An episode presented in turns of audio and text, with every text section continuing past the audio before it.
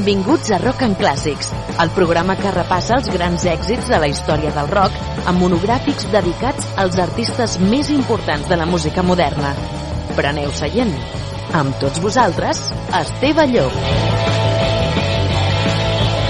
Hola, què tal, com anem? Salutacions cordials, gràcies per escoltar-nos en l'edició número 372 del Rock and Clàssics, nova edició en la qual, com sempre, revisem els grans clàssics de la música rock de tots els temps.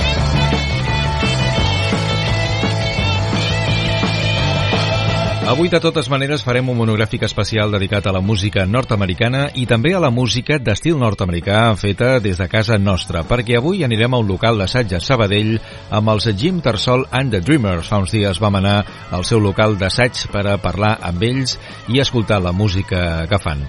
Així doncs, avui viatjarem entre el country, el folk, el pop i també el rock com és habitual al nostre programa. Avui, música nord-americana i Jim Tarsol and the Dreamers.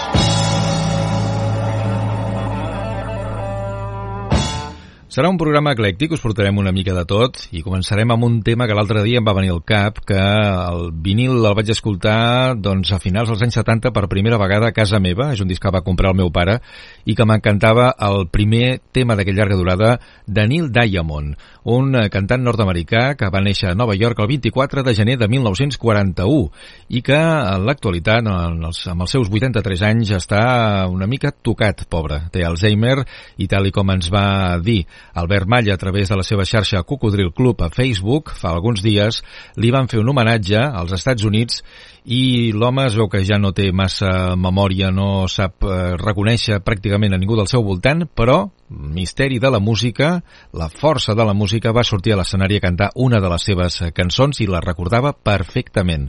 Així doncs, eh, està clar que la música mou muntanyes i entra molt endins del nostre cor. Anem a recordar un dels temes que a mi m'agraden més d'aquest eh, músic nord-americà, Neil Diamond. Com us deia, aquest treball que el vaig escoltar per primera vegada a casa meva i em va deixar molt sorprès.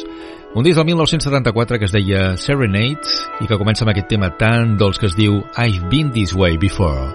I've seen the light And I've seen the flame And I've been this way before, and I'm sure to be this way again. For I've been refused, and I've been regained. And I've seen your eyes before, I'm sure to see your eyes again. Once again.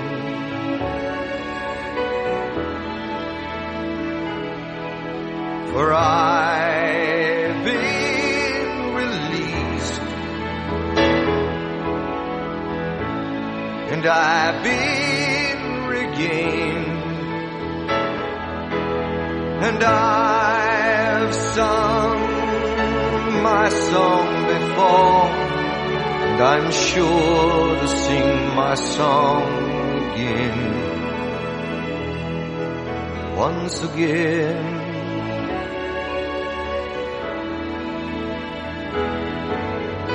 Some people got to laugh.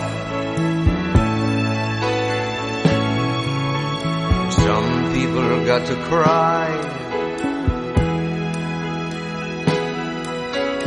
Some people got to make it through by never wondering why. Some people got to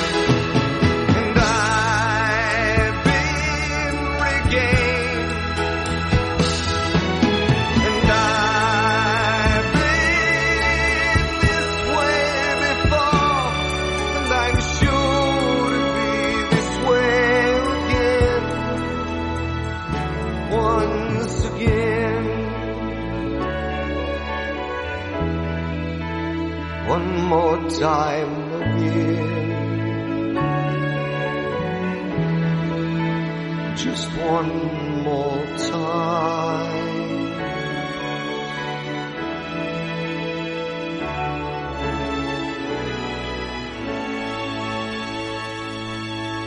Deliciós, oi, aquest tema I've been this way before, Neil Diamond. Us dèiem ara erròniament que tenia Alzheimer Neil Diamond. No, el que té és Parkinson. Així doncs té un problema important eh, o almenys així és eh, tal com se'ns va anunciar a la premsa l'any 2018 que es retirava a causa del Parkinson i comença a tenir doncs, problemes de memòria importants. Però com us dèiem, la música eh, mou muntanyes, la música feta des del cor no morirà mai, com aquest tema de Neil Diamond.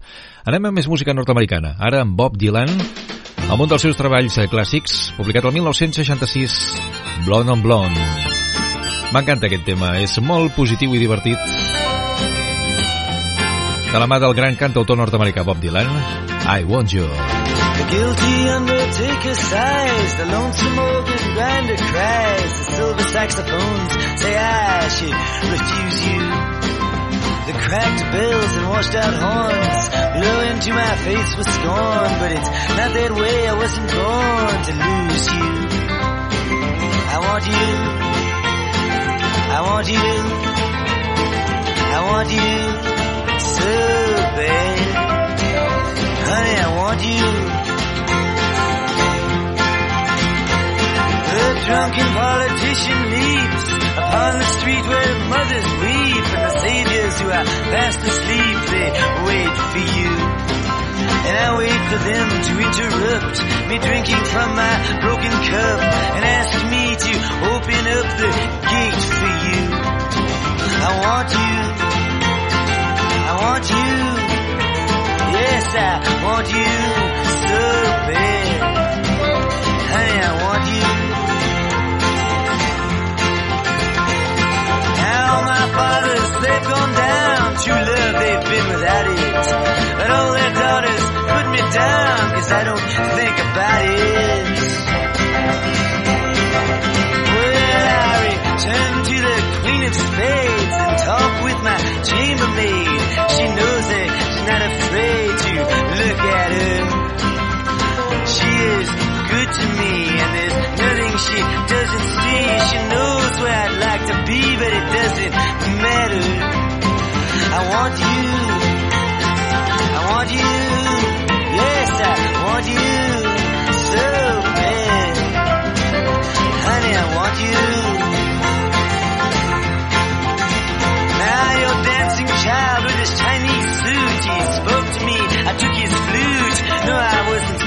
Cute to him, was I?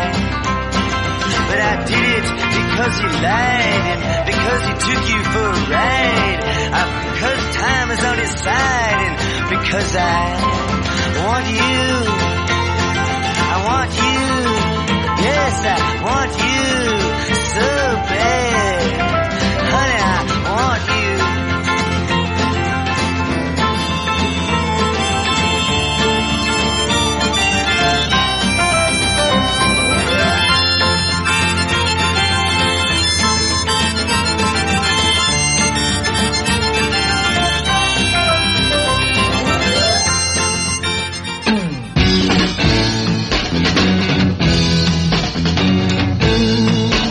clàssics amb Esteve Llop.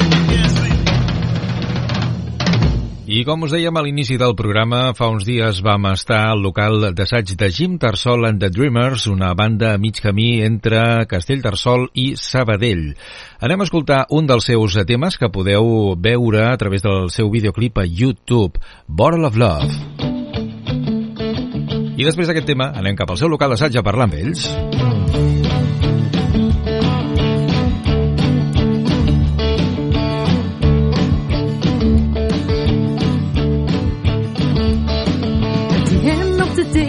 Want to drink alone, my baby.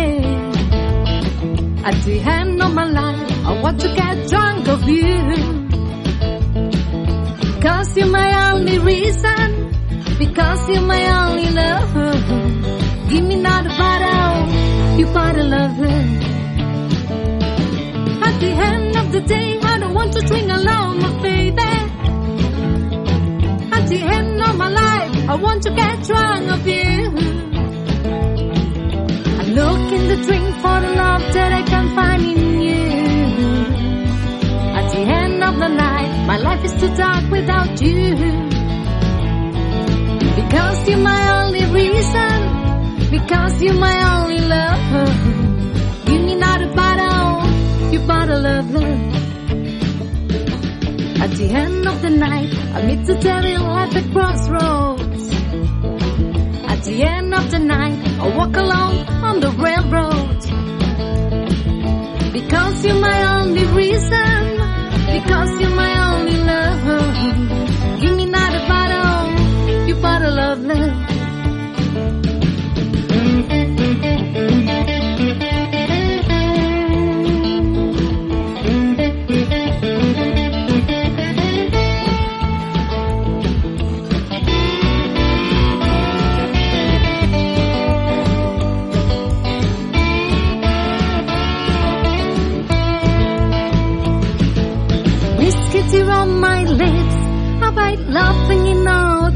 Times. Give me not a bottle, you bottle of love. Okay, there we go. The 50 bucks for your best photo. 50 bucks on the counter, this is my last photo. I found you, baby, a way to free myself from you. The beginning of a new day, I'll no longer think of you. Because only reason, because you're my only love. Give me not a bottle, you bottle of love. Whiskey tear on my lips, I bite love thinking of the good times. Give me not a bottle, you bottle of love.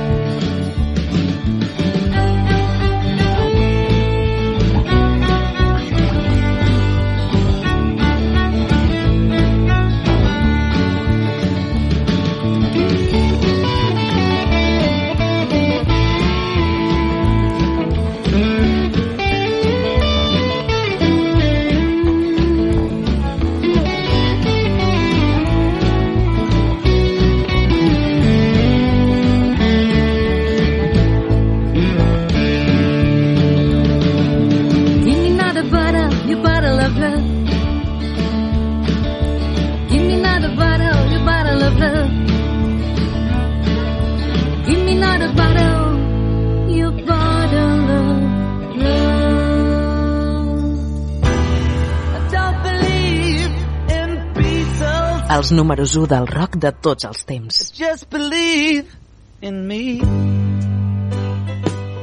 Quina és la millor cançó de la història? Rock en clàssics, amb Esteve Llop.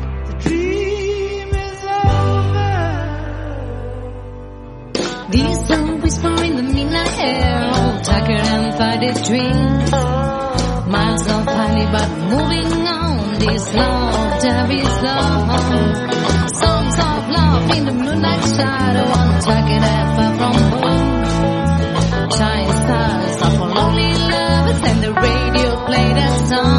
Com us dèiem a l'inici del programa, aquesta setmana tenim amb nosaltres a la formació Jim Tarsol and the Dreamers, una banda nascuda just ara fa una dècada sota l'impuls de Jim Tarsol i que ens porta bonics temes entre el country, el rock, el pop i fins i tot el folk. Ens hem traslladat fins al local d'assaig de Jim Tarsol and the Dreamers a Sabadell per a conèixer de primera mà la música i les ànimes d'aquesta formació catalana. Ells són Jim Tarsol, guitarrista i compositor del grup, Alfred Serra, baix, Cristina Rotés, veu i ukelele, Pere Cardoner, cello, Manel Vilamajor, guitarra, Joan Ferrer, bateria. I aquí els tenim tots doncs, perquè ens expliquin eh, el seu procés compositiu, una mica la història de la formació i saber doncs, eh, com funcionen, perquè a mi sempre em sorprèn les bandes que no són molt conegudes i que per tant fan de manera amateur aquesta feina, entre cometes, que al final potser tampoc és una feina, no? És a dir, es tracta de tenir eh, una passió que necessita dedi- dedicació, perquè has de, fer, has de posar hores per fer assajos i has de buscar també la manera de lligar concerts. Molt bé, la banda va començar ara fa, farà uns 10 anys, eh, que va ser el moment en el que, en el que jo vaig decidir de començar a buscar músics, de una, de, uh, músics reals d'alguna manera perquè jo a, abans d'aquesta formació havia fet mol, moltes, moltes col·labora, col·laboracions a, per internet amb músics de, de country dels Estats Units. D'ahir ve el tema de Jim perquè em coneixien millor com Jim no? I, i bueno, com el, el sistema era bastant farragós perquè jo tenia que enviar les meves pistes, em tornaven les pistes al cap de dos dies o tres, vas dir, bueno, busquem una cantant, busquem eh, algun instrument i comencem.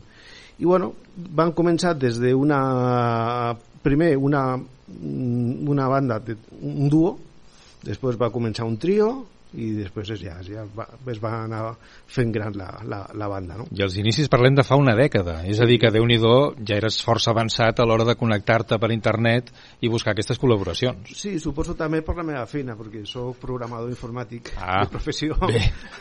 Aquí s'entén tot. I sempre, bueno, les, aquestes eines sempre les he tingut al meu abast, no?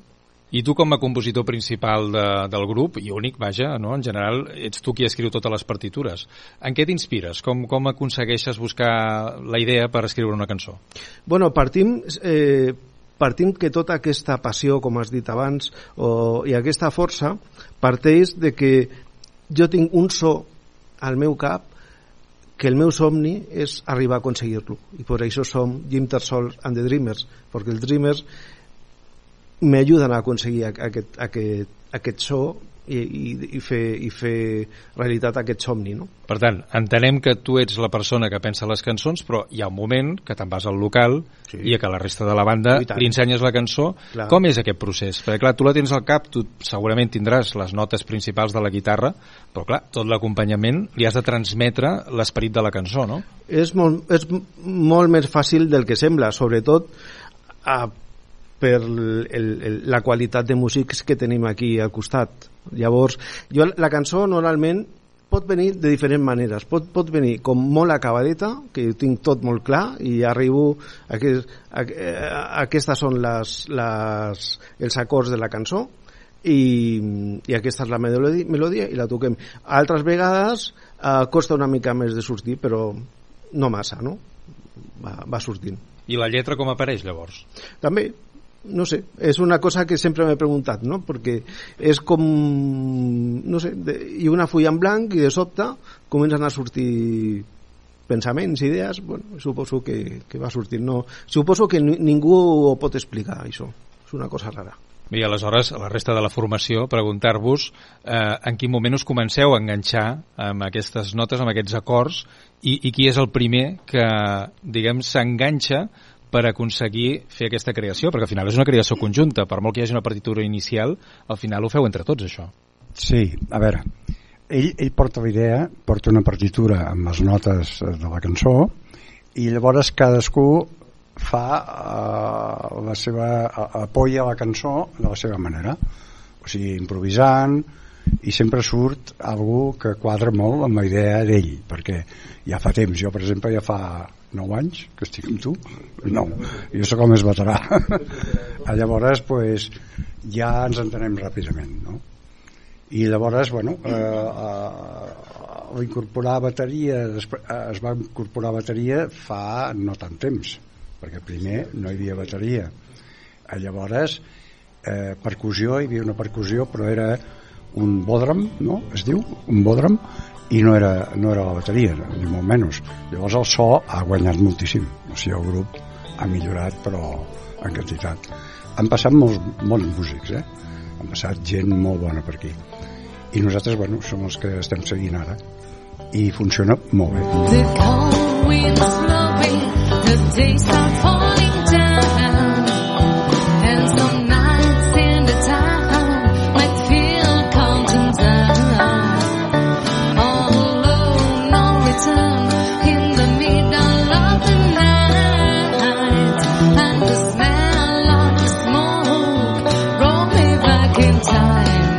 pogut escoltar, no sé si en sigut 4 o 5 cançons a l'assaig, i la veritat és que soneu molt cohesionats i sona molt eh, ric no? a nivell d'instruments, perquè clar, és que teniu una mica de, de tot. De totes maneres hi ha una veu, la Cristina, que no fa tants anys que estàs a la formació i vas substituir una altra persona. Llavors jo el que volia preguntar és, primer, com els vas arribar a conèixer? Com vas decidir llançar-te a, la, a la piscina? Perquè tu ja fa anys que cantes, però no ho havies fet mai d'aquesta manera.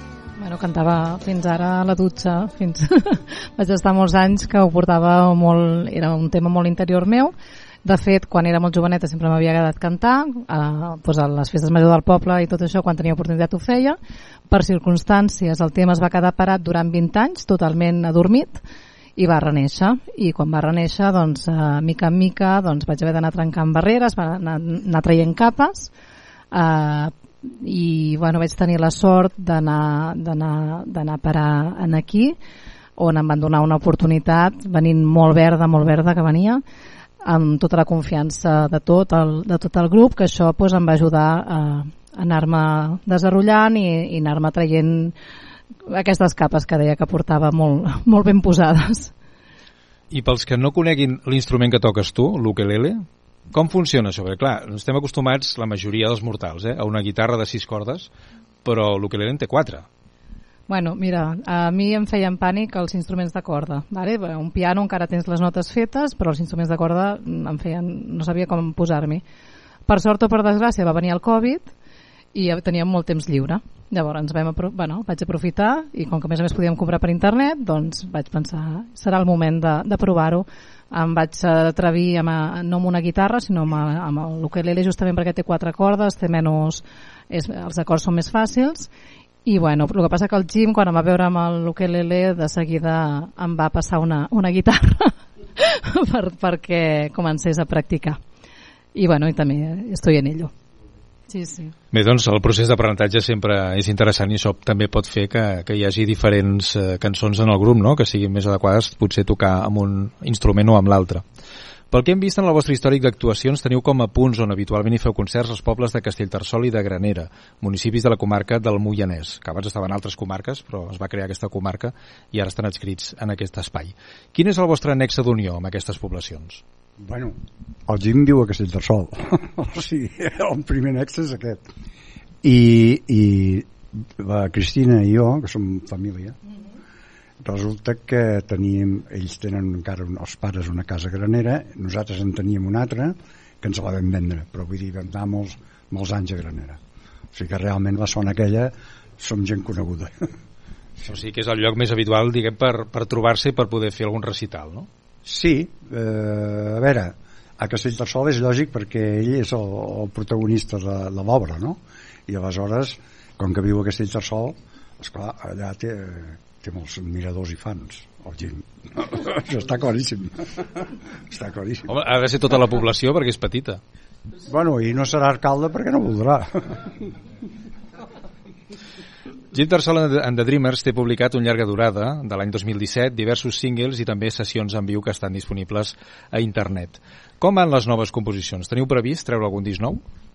Respecte a la publicació d'àlbums, és, una, és, un, és un tema complicat uh, perquè tenim molt material gravat, tenim material per, quasi per tres discos ja gravats, ¿vale?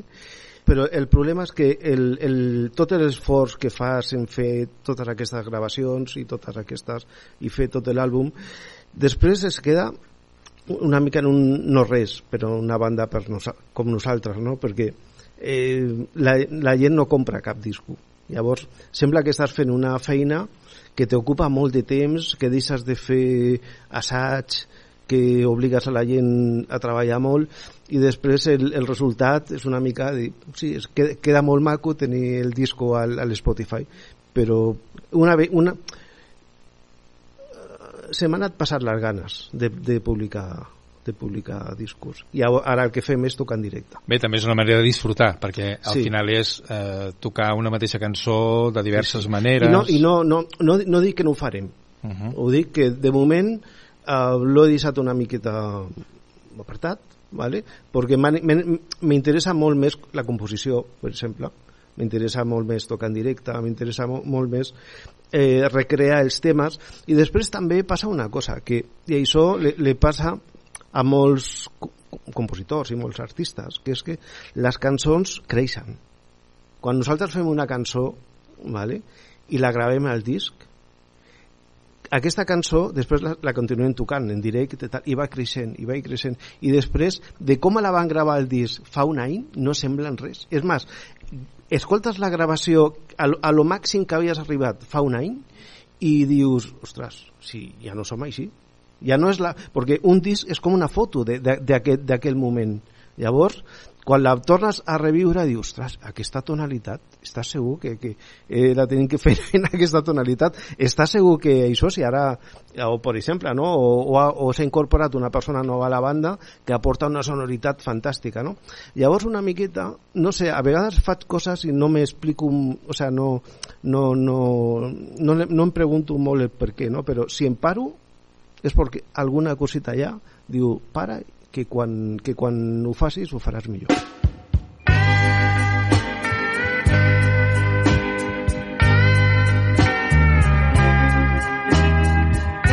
Els clàssics que no poden faltar a la teva discografia te'ls porta Esteve Llop a Rock and Clàssics.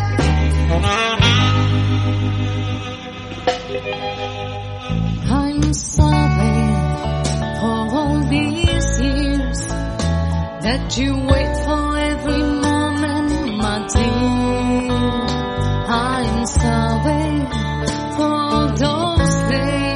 Va, i ara parlem de pròximes actuacions, perquè en tenim una molt propera en el temps, que és a Barcelona, Sí. eh, perquè els nostres oients us puguin venir a veure. On han d'anar? Doncs eh, molt fàcil perquè és, estarem estarem al barri de Gràcia és un petit teatre que per nosaltres és com també un altre petit somni, somni no? perquè per una banda com nosaltres tenir eh, quatre o cinc files de persones davant que t'estan mirant, que estan allà, que han vingut, o sigui, eh, per una banda eh, com nosaltres, que algú gasti el seu temps uh, uh, i, i, i segui i, i estigui, estigui una hora i mitja, dues hores eh, esperant a que nosaltres le, le, le toquem la nostra ens dona un respecte molt gran i, i, i, estem, i estem molt agraïts a per tota la, la gent que vingui doncs al barri de Gràcia el, el carrer Betlem número 26 i la sala és Disbauxa I és el dia? el dia 2 de març sigui, això és ja. Per Ja, tant, bueno, ja estem si allà. volen comprar les entrades, què han de fer? Bueno, directament ens envien un correu electrònic a nosaltres o a la sala i ja està. Va, doncs farem una cosa, ho publicarem a les xarxes socials, eh, quan surti programa en antena, i d'aquesta manera Sí. la gent que pugui contactar amb vosaltres. Sí, perquè és, és, és prèvia reserva. Quan tinguem... És un teatre molt petit i quan es compleixen les 50 reserves que hi ha, ja no, no podrà entrar ningú més. Va, i era una pregunta de futur. Com veieu el futur de la música avui que la majoria d'èxits el cantant no canta sinó que és tot autotune 100%? I a mi m'alarma molt això perquè no vull ser tremendista ni vull ser una persona antiquada, però jo quan sento les veus aquestes robotitzades em poso dels nervis. Bueno, jo crec que aquesta pregunta, el Pere, que és músic de, de veritat, la podrà respondre molt millor que jo. Vinga, va. Bueno, parles de l'informàtica, clar. Evidentment, sí, sí. Evi evidentment, aquí és, és un altre so. Hi ha, hi ha diferents tipus de música. O sigui, mm, jo he passat per un conservatori i he trucat un instrument acústic i un dels problemes que tinc en aquest grup precisament és adaptar el meu instrument acústic amb els instruments electrònics. Llavors m'ha de connectar i bueno, estem fent una d'històries i, i buscant micros i, i cables i xivatos i de tot perquè pugui adaptar-me sense notar que jo sóc acústic i ells no. Tu estàs parlant de la música de pop de ventes i que el que volen és agafar un Spotify, agafar el que sigui i que surtin milionades de ventes de discos i d'escoltacions i, i gravacions i mil likes per aquí, mil likes per allà i... Clar, són sons artificials. Són sons que entren per l'orella són sons molt estudiats són sons que ja els busquen ja matemàticament com que diu quasi i la gent els hi entren, els hi agraden i els escolten Clar, és, és una altra manera de fer Però és clar, el so que hem escoltat aquí en el vostre assaig és agradable. I en canvi aquest so arriba a un punt que a més a més és repetitiu. És a dir, tota l'estona el mateix to de veu, pot ser el ritme més o menys encertat, la lletra també pot ser més o menys encertada, mm, més o menys elaborada, però al final cansa moltíssim això, no? A- Aquest so és el so de la indústria. El que has escoltat aquí és el so de la música. Que la indústria no és música. A, a vegades pot ser-lo, però no té per què ser. O sigui, la indústria musical vol vendre. Llavors, el que està demanant, o tot, tot la confluència de, de sectors eh, fa que eh, di, ara algú digui eh, la música que té que agradar és aquesta i, i llavors ho fan així però és un producte o sigui, aquesta gent que ara té un èxit dintre de dos anys o d'un any serà substituït per un altre i, i aquesta no s'acordarà ningú i, i també com la qualitat de tota aquesta gent mmm, tampoc és massa bo no, no és massa bona perquè és un producte artificial doncs bueno, no sé què, què faran després de tenir aquest èxit tan gran i després es tindran que acostumar a viure mmm, sense èxit. Perquè tothom tothom se'n se recordarà d'aquell èxit que, que, van, que van tenir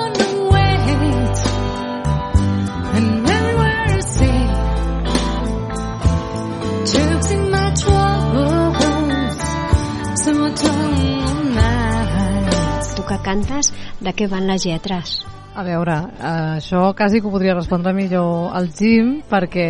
Però, bueno... A veure, eh, sempre són, són històries de, de persones, no? Històries de persones, experiències, anècdotes, mm, o, o retrata a, un, a una personalitat eh, especial. Eh, diguem-ne que despulla una miqueta persones no? i sentiments que tenen aquestes persones bàsicament va per aquí el tema i d'una forma molt poètica i molt maca va, té els temes són diversos, ¿vale? perquè la vida és diversa. Llavors et van passant coses a la vida. Les cançons, les cançons en si no són autobiogràfiques, ¿vale? però reflexen situacions i, i sentiments que vas tenint. ¿vale? Um, hi ha moltes... Eh, la majoria són introspectives, no? Llavors, eh, la pèrdua, no? Eh, l'amor també com sentiment de valorar el que tens perquè algun, en algun moment no el tindràs no? llavors això és molt important i les cançons em donen peu a donar-me ara ara compte de tot el que tinc llavors aquesta, quan em en aquesta situació surten lletres i surten, surten cançons després també m'agrada molt la figura del perdedor perquè sempre la, tota la, la societat sempre diu aquest home l'ha tocat la loteria vale? l'han tocat mil milions no? i jo sempre penso bueno, hi ha tots el que no l'han tocat no? O aquest home és, és, és, ha tingut molt èxit sí, però ja, perquè tu arribis hi ha molts que no arriben no? llavors quan començo a pensar en aquestes vides individuals d'aquestes persones que lo han fet tot per arribar ¿vale? que, que tenien talent, que tenien tot, però no acaben arribant. No? Eh, jo diria que aquesta és una idea bastant americana, no? també, perquè allà hi ha un culte eh, al perdedor, perquè al final el que perd després s'ha d'esforçar Sí. per acabar aconseguint l'èxit, Sí. no? I potser aquí no ho veiem d'aquesta manera. Pot ser, no, no, suposo, però jo crec que quasi és una idea universal, no?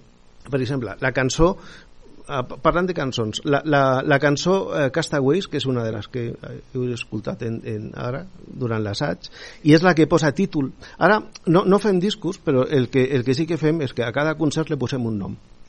¿Vale? perquè és una miqueta la idea general general del concert. En aquest, en aquest, eh, en aquest concert l'hem dit Castaways. Castaways és una paraula en anglès que significa nàufrag. Llavors, eh, la cançó, per exemple, en aquest, va, en aquest cas, va de dos perdedors, dos persones que s'estimen molt, que només parlen per telèfon, però no tenen la possibilitat mai de trobar-se. Con lo qual, el seu amor està predestinat a que fracassarà. Llavors, són dos nàufrags, per exemple. En el cas d'una altra cançó que hem fet ara, que es diu Train to Mexico, sempre, sempre pensem en les persones que van de Mèxico cap a Estats Units, no? Però en aquest cas vaig fer el pensament al revés. Una persona que volia sortir de, de, dels Estats Units cap a, cap a Mèxico, no? Per què? Una miqueta per escapar de, de tot l'estil de vida americà, de totes aquestes coses que, que, que tenen allà i, vol, i, i volia tenir una vida més lliure, no? Llavors, per, això vo- vol agafar aquest tren cap a Mèxico i bueno, una altra cançó que hem fet era Love's Goodbye és, una, és la despedida de, do, de, de dos amants no? Per exemple. Van de coses, cosetes així d'aquest tipus. I ara una pregunta potser una mica compromesa. Coincidiu, potser no heu parlat mai, a que us agradin les mateixes cançons o la preferida d'un correspon a la de l'altre o no, o sempre és la preferida la nova que, que enceteu? Bueno, jo, jo puc eh, dir poc, eh? jo sóc l'última incorporació i la veritat és que bueno, a mi em sembla tot bé, no? però bueno, sí, hi ha algunes cançons que a mi eh, particularment m'agraden més que altres, però és normal, o sigui, no, no és perquè li tinc més, més afecte i tal, però bueno, en principi totes m'agraden i, i, perquè, i per això estic aquí, no? perquè bueno, m'agrada l'estil, el que fa, el country em, em passa el teló no ho havíem parlat però... però coincidiu? o sigui, mira, aquesta és nova o aquesta que és antiga però m'encanta cantar-la i a mi tocar-la. Totes tenen alguna com que al final les hem anat fent nosaltres, al moment en què les feies ja hi posaves allò que t'agradava llavors clar, sempre totes tenen algun tros algun fragment, alguna història que t'agrada molt. Llavors no, una perquè té més ritme l'altra perquè té més explosió l'altra perquè té més insentiment l'altra i com que l'has anat fent tu al final és teva. Llavors no, no, és, no és aquella cançó que havia sentida i m'agrada o no m'agrada no, no, és que l'has fet tu i t'agrada. No, sobre això que deies saps què passa? ell porta la cançó com amb, amb un embrió. N'hi ha moltes que les té molt clares ja com, com ho vol el so i això però la majoria de vegades eh, ell tampoc és eh, egoista en el sentit de dir jo vull fer la meva cançó i vull que soni així. No eh, tots nosaltres posem l'instrument al servei de la cançó que ella jo tinc un estil, ell en té un altre ell en té un altre cada un té un estil diferent. Però tot això quan s'ajunta dona el resultat que heu vist una mica que fa que la cançó vibri d'alguna manera. I això és el que, el que importa és perquè per què passa això?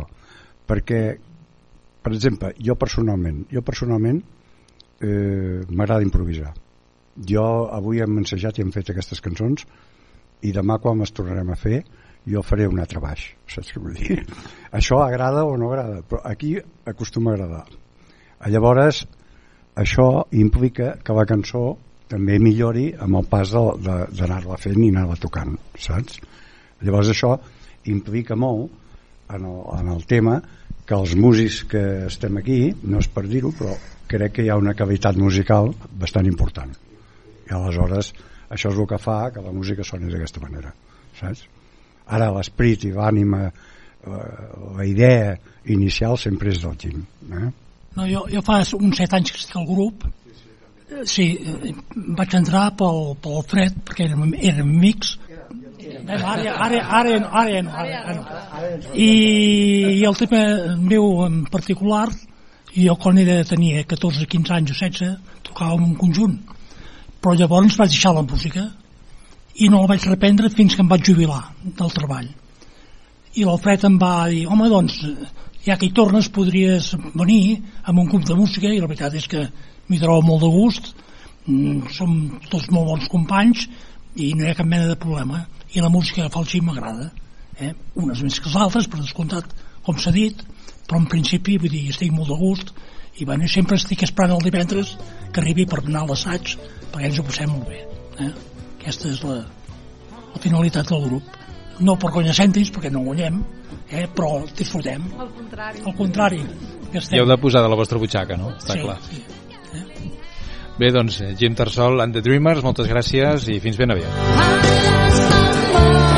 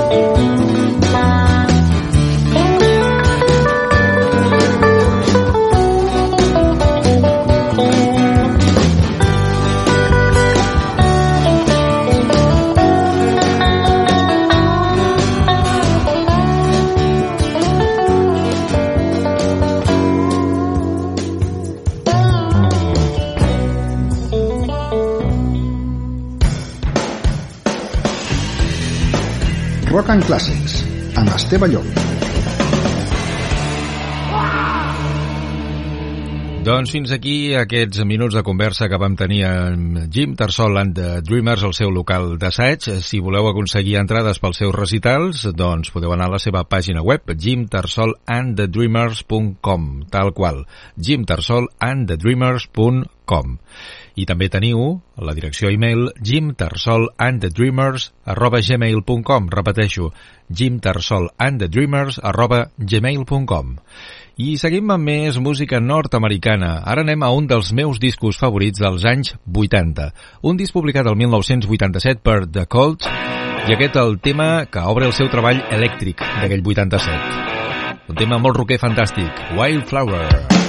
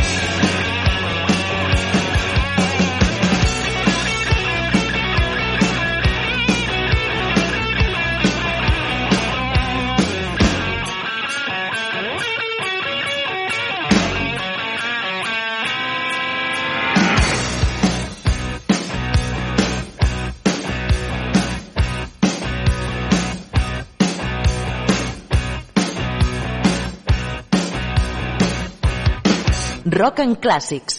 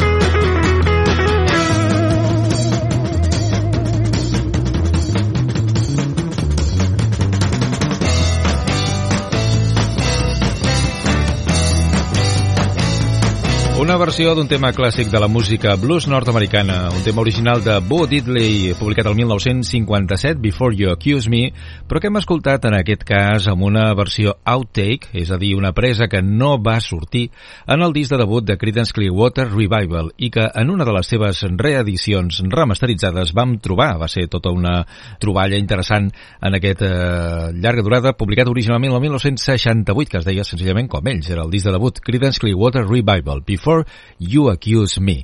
Va, un tema més dels Creedence, que ara feia temps que no els posàvem al programa. Anem al seu mític treball Pendulum, publicat el 1970. Un tema més country, que es diu Sailor's Lament. Els Creedence, al Rock and Classics. Posa't a la butxaca tots els èxits del rock. Rock and Classics, amb Esteve Llop.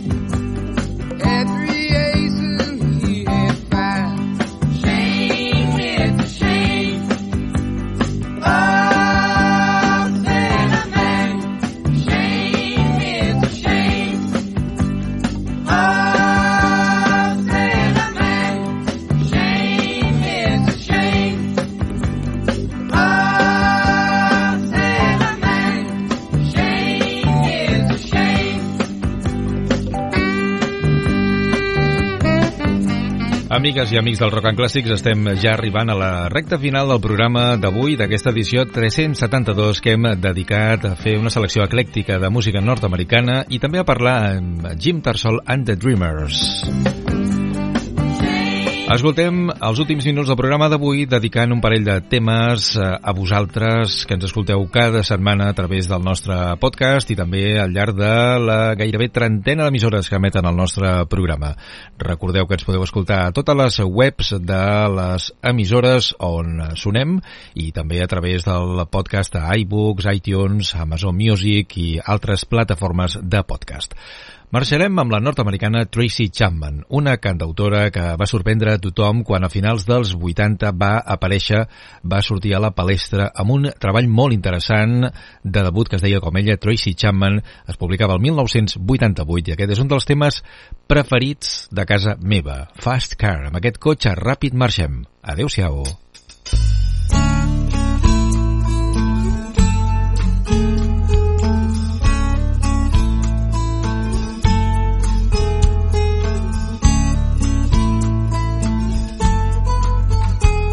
Els números 1 del rock de tots els temps. Rock en clàssics. You get a fast car. I want a ticket to anywhere. Maybe we make a deal. Maybe together we can get somewhere. Any place is better. Starting from zero, got nothing to lose. Maybe we'll make something. Me, myself, I got nothing to prove.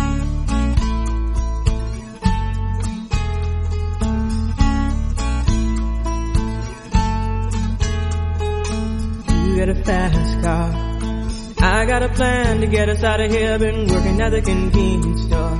Managed to save just a little bit of money. Won't have to drive too far. Just cross the border and into the city. You and I can both get jobs and finally see what it means to be living.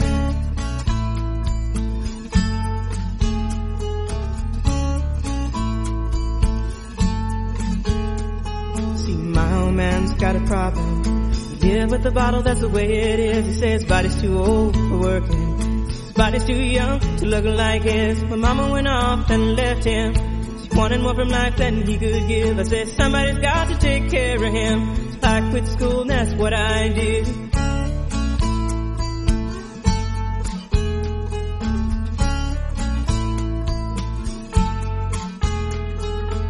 You got a fast car. Is it fast enough so we can fly away?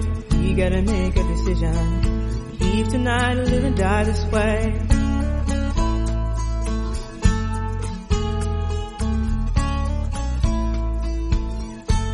So I remember when we were driving, driving in your car. Speed so fast, I felt like I was drunk. City lights day out before us, and your arm felt nice wrapped around my shoulder. And I, I had a feeling that I belonged. Had a feeling I could be someone, be someone, be someone.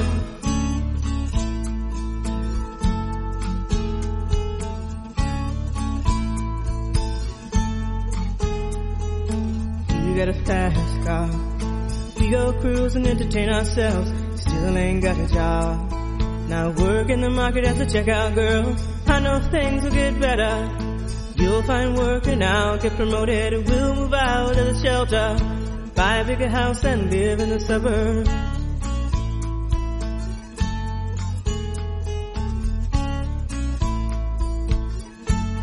I remember when we were driving, driving in your car. Speed so fast, it felt like I was drunk. City lights lay out before us, and your arm felt nice wrapped around my shoulder. And I, I had a feeling that I belonged. I, I had a feeling I could be someone, be someone, be someone.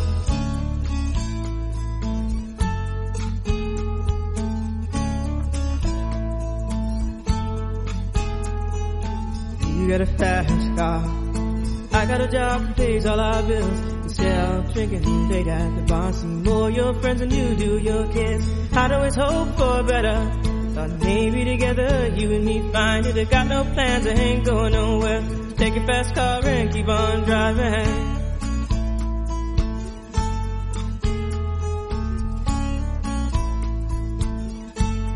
I remember when we were driving, driving in your car. Speed so fast, I felt like I was drunk. City lights stay out before your arm felt nice wrapped around my shoulder. And I, I had a feeling that I belonged.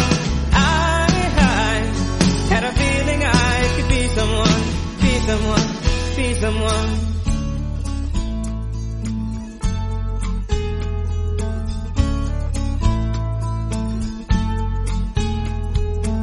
You got a fast car. Is it fast enough so you can fly away? You gotta make a decision. Leave tonight or live and die this way.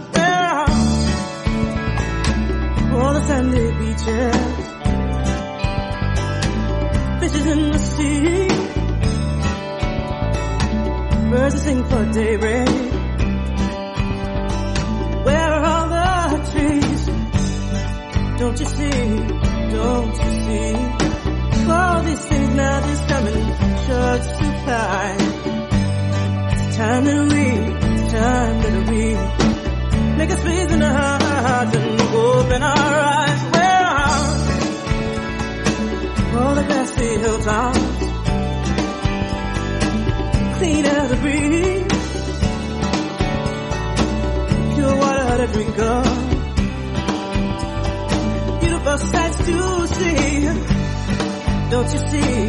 Don't you see? All these things now is coming short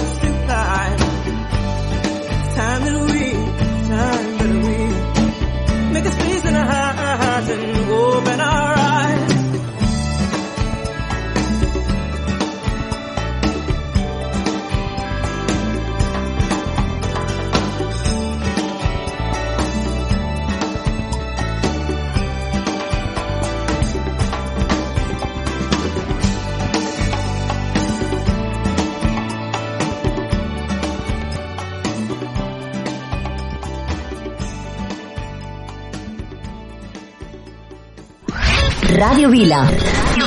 Si vols alegria, escolta. Ràdio Vila. Ràdio Vila. Ràdio Vila. Sou la bomba. Jo també escolto Ràdio Vila. Ràdio Vila. Vet aquí que una vegada...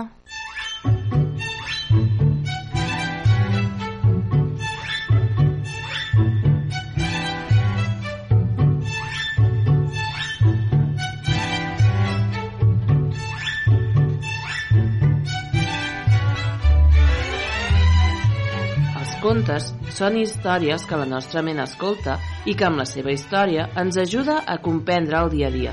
Ens ajuden a buscar similituds amb la vida quotidiana per fer les coses i amb la seva fantasia la fem, fins i tot, més divertida. Hola, Mercè! Hola, Helena. Més que divertides. Jo quan escolto un conte, la meva ment es posa en marxa i tota aquesta informació rebuda molt sovint l'aprofito per resoldre un conflicte i treure'n un aprenentatge. És clar que no per tots és el mateix. Cada persona pot interpretar un conte de manera diferent en el seu interior, depenent de la seva experiència i de la rutina que fa dia a dia. Nens i nenes, nois i noies. En tot cas, nosaltres, a la vostra hora del conte i gràcies a la xarxa de comunicació local, podeu gaudir d'uns bonics contes arreu de Catalunya i Andorra. I avui portem dos contes clàssics i un original creat per un dels col·laboradors del programa. I comencem amb el soldadet de plom, un conte de fades escrit per l'escriptor i poeta danès Hans Christian. Un conte que va ser publicat per primera vegada el 2 d'octubre de 1838. El dia del seu aniversari, a un nen, li regalen uns soldats de plom en una caixeta. Un d'ells només té una cama, ja que no hi havia prou metall per donar-li forma completa i acabar-lo. A prop d'on és el soldadet hi ha una vella ballarina de paper. També està dreta sobre una cama i el soldadet de plom s'enamora d'ella. Però a la nit, un follet negre d'una caixa de sorpreses li prohibeix que la miri. El soldadet l'ignora i el follet l'amenaça de venjar-se, la qual cosa es produeix quan, l'endemà, el soldadet cau d'una finestra i va parar al carrer. Dos nens el troben i el posen en un vaixell de paper que és engolit per una claveguera i més tard per un peix. El peix és capturat i cuinat, sorprenentment a la mateixa casa de la que havia sortit. El soldat està alegre perquè podrà tornar a veure la ballarina, però... Però no us explicarem el final ara. Millor serà que entrin tots els que fem l'hora del conte i us expliquem el conte com cal. Us sembla? El soldadet de plom.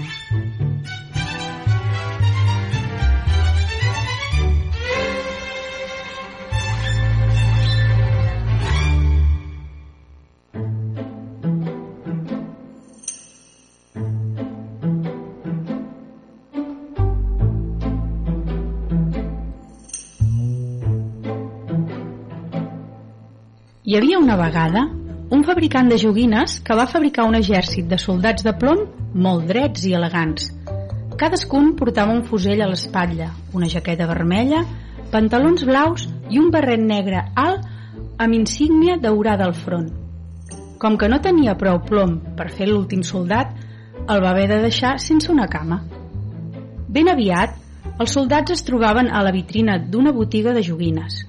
Un senyor els va comprar per regalar-los al seu fill com a regal d'aniversari.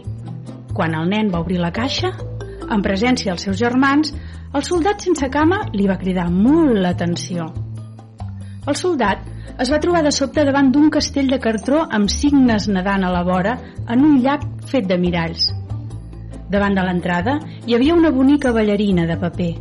Portava una faldilla rosada de tul i una banda blava sobre la que hi havia un petit vidret que brillava com un diamant.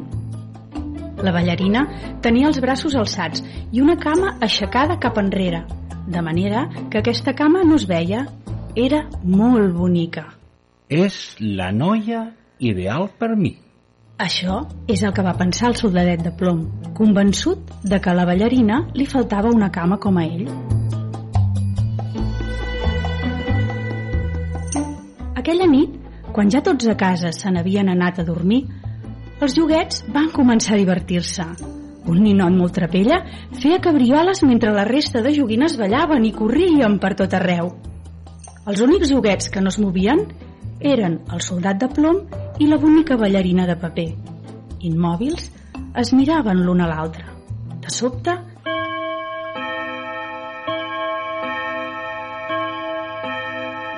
varen tocar a les 12 de la nit. Tapa de la caixa de sorpreses es va obrir i d'ella en va sortir un fullet d'expressió malvada. Va dirigir la seva mirada al soldat i li va cridar. Tu què mires, soldat? El soldat va seguir amb la mirada fixa endavant. D'acord, no dius res, oi? Doncs ja veuràs el que et passarà demà. A l'endemà, el nen va jugar una estona amb el seu soldat de plom i després el va posar a la vora de la finestra que estava oberta. Potser fou el vent o potser fou el fullet dolent. La cosa és que el soldat de plom va caure al carrer. El nen va córrer cap a la finestra, però des del tercer pis no podia veure res. Puc baixar a buscar el meu soldat? Va preguntar el nen a la criada. Però ella s'hi va negar, doncs estava plovent a bots i a barrals. La criada va tancar la finestra i el nen va haver de resignar-se a perdre la seva joguina. A fora, uns nens del carrer jugaven sota la pluja.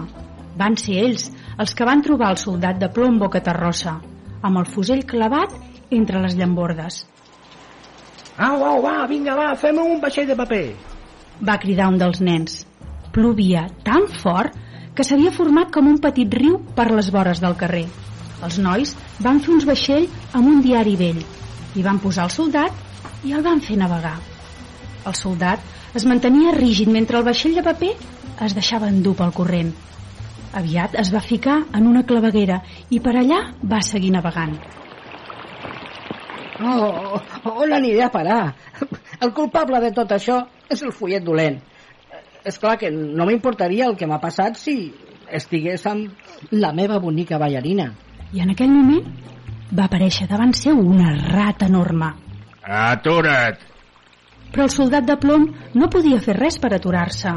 El vaixell de paper va seguir navegant per la claveguera fins que va arribar al canal, però ja estava tan mullat que no podia seguir surant i va començar a naufragar. Finalment, el vaixell de paper es va desfer completament i el soldat de plom es va enfonsar a l'aigua. Just abans d'arribar al fons, un peix gran se'l va empassar. Oh, que fosc que s'està aquí dins. Molt més fosc que la caixa de les joguines. El peix, amb el soldat a l'estómac, va nedar per tot el canal fins a arribar al mar. El soldat de plom trobava a faltar l'habitació dels nens, les joguines, el castell de cartró i, sobretot, sobretot la seva bonica ballarina. Crec que no els tornaré a veure mai més. El soldat de plom no tenia cap idea d'on es trobava. D'altra banda, la sort va voler que uns pescadors passessin per allà i atrapessin el peix amb la seva xarxa. El vaixell de pesca va tornar a la ciutat amb el seu carregament. No va passar massa estona que el peix fresc ja era al mercat, allà on comprava la criada de la casa del nen. Després de mirar la selecció de peixos, es va decidir pel més gros. Era el que tenia el soldat de plom a dins. La criada va tornar a casa i li va donar el peix a la cuinera. Quin peix més bo! De seguida, va agafar el ganivet i va començar a preparar el peix per fer-lo al forn. Aquí hi ha alguna cosa dura. Va murmurar i després, plena de sorpresa, va treure el soldat de plom. La criada el va reconèixer immediatament. Ostres, és el soldat que li va caure amb el nen per la finestra? El nen es va alegrar moltíssim quan va saber que el seu soldat de plom havia aparegut. El soldat, per la seva banda, estava una mica atordit.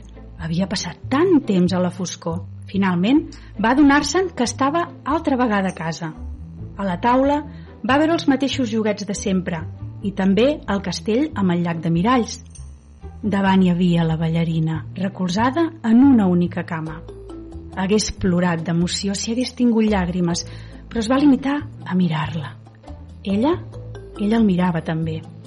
De sobte, el germà del nen va agafar el soldat de plom dient Aquest soldat no serveix per res. Només té una cama. A més, fa pudor a peix. Tots van veure aterrits com el noi llançava el soldat de plom al foc de la xamaneia. El soldat va caure de peu al vell mig de les flames. Els colors del seu uniforme desapareixien a mesura que es desfeia. De sobte, una ràfaga de vent va arrencar la ballarina de l'entrada del castell i la va portar com un ocell, de paper fins al foc, al costat del soldat de plom. Una flamarada la va consumir en un segon. L'endemà, la criada va anar a netejar la xamaneia i enmig de les cendres va trobar un tros de plom en forma de cor. Al costat, negre com el carbó, hi havia el brillant de la ballarina.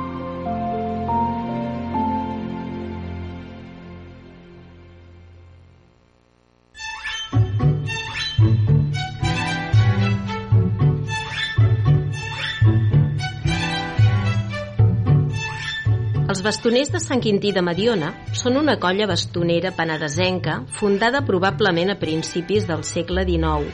La primera referència escrita que se'n té és del 1818 al llibre de comptes de la confraria de Sant Roc, Sant Sebastià i la Verge de les Neus de la localitat.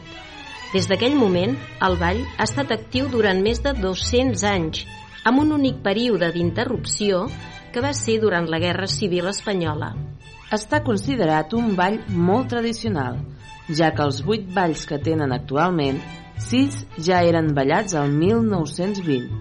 Una altra particularitat dels bastoners de Sant Quintí és que no ballen al ritme de la gralla, sinó que estan acompanyats per un model de flauta de bisell o flabiol. I per què us parlem dels bastoners de Sant Quintí?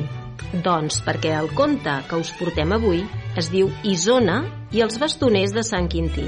L'autor, Joan Serra Armand, a banda de ser professor d'història, articulista del setmanari El 3 de 8, conferenciant en temes d'història i cultura popular, és amic i col·laborador de l'Hora del Conte i ha tingut l'amabilitat de fer l'adaptació radiofònica d'aquest conte que en principi estava pensat per un espectacle d'ombres xineses. No us volem avançar gaire cosa del conte, perquè estem segurs que gaudireu de les explicacions que li fan Pinocho a Isona, navegant per tots els contes clàssics. Anem-hi?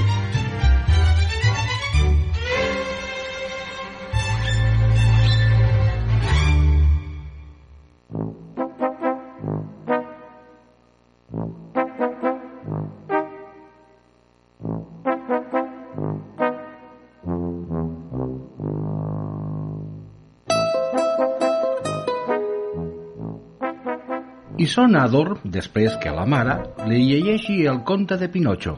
Mentre dorm, el ninot pren vida, baixa de l'armari i desperta l'Isona. T'ha agradat el conte, Isona? Doncs has de saber, i això és un secret que saben ben poques persones, que la història real és una altra. Jo sóc fill de l'alzina màgica, tallada en lluna vella, saps? Com també ho són els bastons dels bastoners i ho era la carrossa de la Ventafocs. No era una carbassa, la carrossa? Sí, però es convertia en carbassa perquè la carrossa era de la fusta de l'alzina màgica. Com si no, una carbassa es pot transformar en carrossa, això ho sap tothom. Pinotxo, t'està creixent el nas, però continua, continua amb la història. Tot va començar la nit que Aladí volava amb la seva catifa voladora per damunt de Sant Quintí. Sense voler se li va caure la làmpada que contenia un geni. Va anar a petar sobre l'alzina en un lloc anomenat les Estoses. I no va girar cua per anar a buscar la làmpada? Que no veus que anava enamorat com un colomet de la Xeresade? Què vols que s'adonés? Continua. Bé, doncs, el pobre geni dins la làmpada maldava per sortir, però li era impossible. L'alzina va abrandar les branques per a despertar els ocellets i els esquirols que dormien entre les seves fulles, i entre tots van aconseguir alliberar el geni. Estàs segur que en la capçada d'una alzina hi viuen tants ocells i esquirols? Vols dir que no exageres? Si m'has de contradir en tot el que et dic, encallo i em torno damunt No, de no, l'armari. no, no, no, no, però és que pateixo per com et creix el nas, però no et contradiré més, de debò. Un cop alliberat, com que era un geni educat i agraït, va concedir-li a l'alzina la virtut de que la seva fusta fos màgica i podés donar vida als objectes que es fabriquessin amb ella. Com per exemple tu, oi? Just a la fusta, mai millor dit. I, I què més va passar? Al cap dels anys, una tarda d'estiu, a una nena que es deia Alicia no se li va ocórrer res més d'absurd que seguir un conill blanc fins al seu cau, que estava a la soca de l'alzina màgica. I per què seguia un conill, l'Alicia? Que el volia caçar? Doncs no ho sé perquè el seguia. Imagino que hi ha d'haver gent per tot. Unes nenes van a la piscina i unes altres segueixen conills, ves. Eh, també hi trobes algun problema en això? No, no, no. Era curiositat, simplement. Segueix, segueix. Doncs va passar el que havia de passar. Que l'Alicia es va ficar dins el cau del conill i va desaparèixer. La família i tots els veïns de la vila van sortir a buscar-la. Fins i tot van aprofitar tres tambors que venien de la guerra per a que reblessin els tambors a veure si Alicia els sentia i cridava on era. I la van trobar? Que Alicia estava en un altre món, diguéssim. El món dels somnis, de la imaginació, de les meravelles. En fi, que el terrabastall dels tres tambors tan sols va servir per espantar uns pobres nans que treballaven buscant or en una cova damunt del llac de les Deus. Com et creix el nas, Pinotxo? Vols dir que... Què de què? Vols deixar el meu nas? Em penso que me'n torno a l'armari, apa. Sisplau, sisplau, què més? Doncs els cent nans van córrer per amagar-se a casa seva, que estava a la font del Tori, i es van trobar... I es van trobar l'Alicia a casa seva? Ni pensar-ne. Van trobar que la noieta que vivia amb ells acabava de despertar-se de...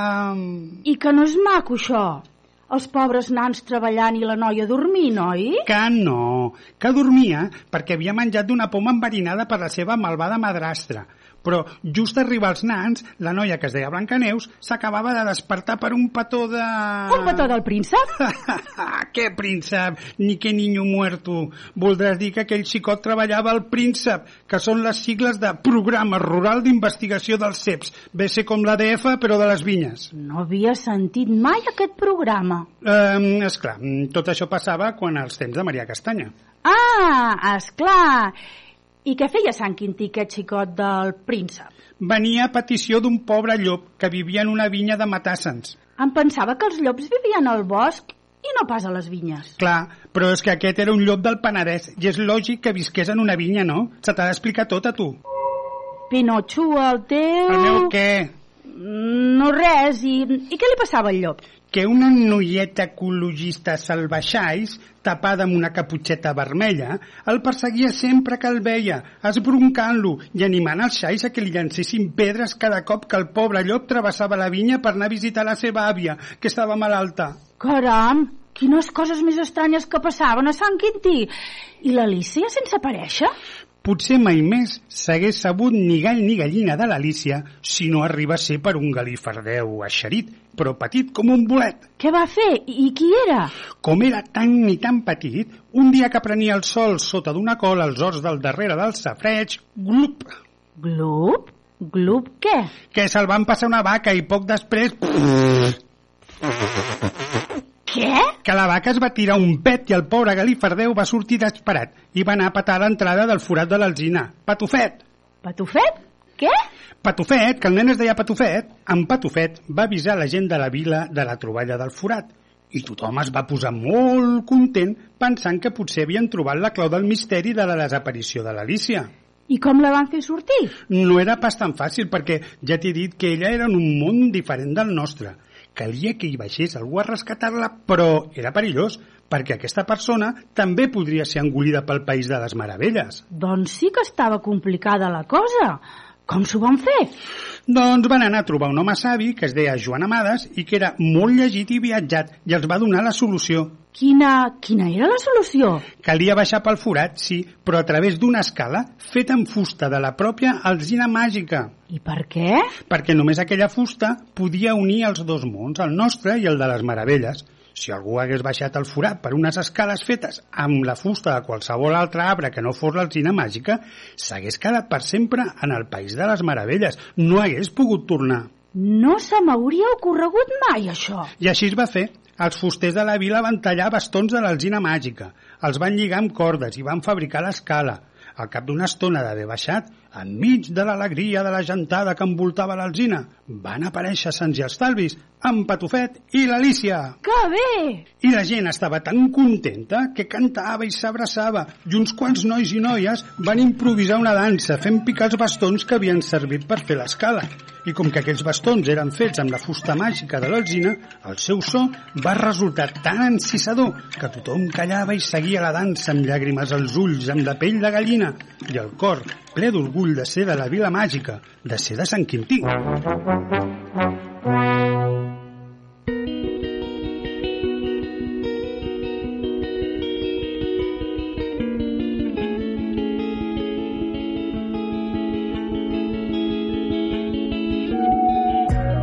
Morató en porta una proposta que consta de sis contes nous en un, que ens ajudaran a prendre bones decisions. Crec en tu. A Crec en tu es tracten temes tan rellevants com ara la perseverància per un mateix, l'avorriment, la paciència, com es pot gestionar l'enuig i el valor de les coses que importen de debò, mitjançant metàfores molt senzilles i potents. Cada conte ofereix una eina que servirà als lectors perquè creguin en ells mateixos, quan vegin que són capaços de fer front i resoldre moltes situacions que es trobaran al llarg de la vida. Però, perquè creguin en ells mateixos, també és fonamental que sàpiguen que nosaltres creiem en ells, que els donem suport i que sempre podran comptar amb nosaltres. Crec en tu, un conte d'Anna Morató Garcia, il·lustrat per la Brenda Figueroa, la Marina Pérez i la Mape, editat per Beascoa i recomanat per a nens i nenes a partir de 4 anys.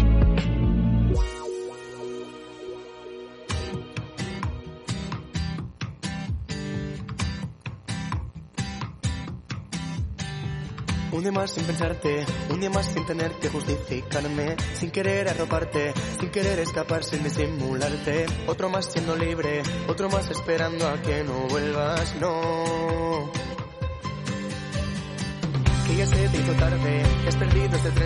Avui ens fa una especial il·lusió acomiadar el programa amb la música d'una gran promesa de la música d'autor del nostre país.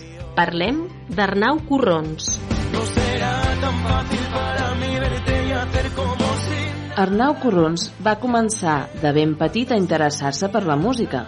Als 5 anys ja va aprendre classes de piano, però no ho ha tingut gens fàcil, ja que amb 11 anys va ser operat d'una anomalia de les cordes vocals, que tot feia creure que no tornaria a cantar. La seva perseverança amb la música va fer que, als 14 anys i de forma autodidacta, tornés a tocar la guitarra i formés part del coro rociero dels seus avis, a on es va començar en el món de la composició. Les seves cançons comencen a veure la llum. Amb 16 anys es desfà de la vergonya i es presenta davant del públic en un concert acústic organitzat per ell mateix l'agost del 2019. Al desembre del mateix any signa un contracte discogràfic amb Barcelona Hits Factory, publicant el seu primer single, Àngel, que compta amb més de 60.000 visites a les plataformes, sota el nom d'Arnau. Posteriorment, i sent ja Arnau Corrons, publica el seu segon senzill, Em salva la teva mirada, que deixa veure el costat més canyer. temas el proper dia 22 de febrer, Arnau presenta a la Casa Seat del Passeig de Gràcia a Barcelona el seu nou compact anomenat Elemental, amb el tema Jugamos a intentarlo, amb el que acomiadem l'hora del conte. Per avui ens acomiadem de tots vosaltres de la fantasia de l'hora del conte, però ens retrobarem la propera setmana en aquest mateix punt del dial, mentre esperem que el vostre dia a dia sigui un conte molt però que molt bonic. Que ja sé te hizo tarde, que has perdido ese tren siendo tan cobarde. ¿Qué me importa tu llanto? Ya te dije, mi vida esto no lo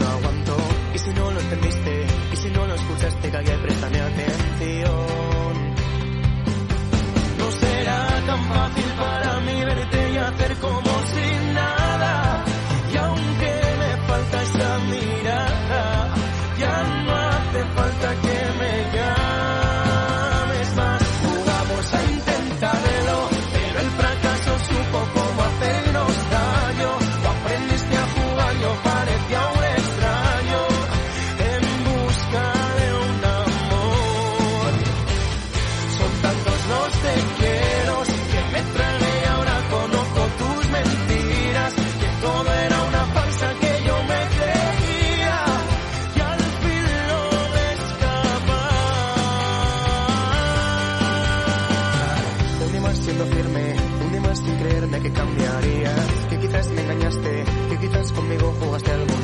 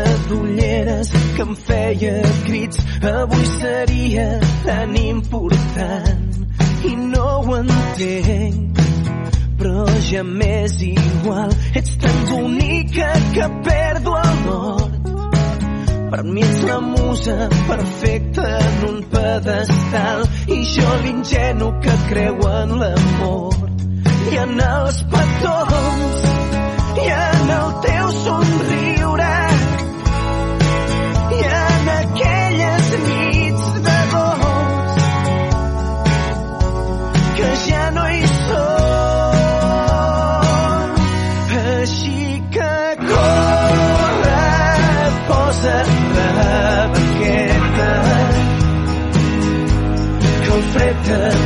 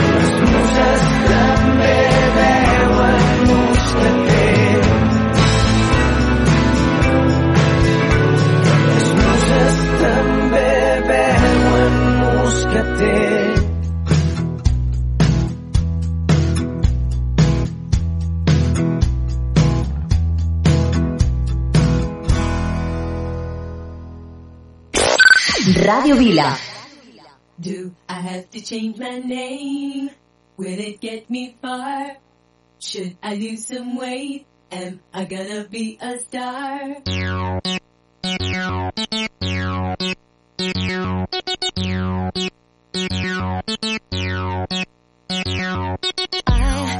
tried to be a boy. I tried to be a girl. I tried to be a mess. I tried to be the best. I guess That's why I wrote this song. This type of modern life, is it for me? This type of modern life, is it for free? So, I went into a bar, looking for sympathy.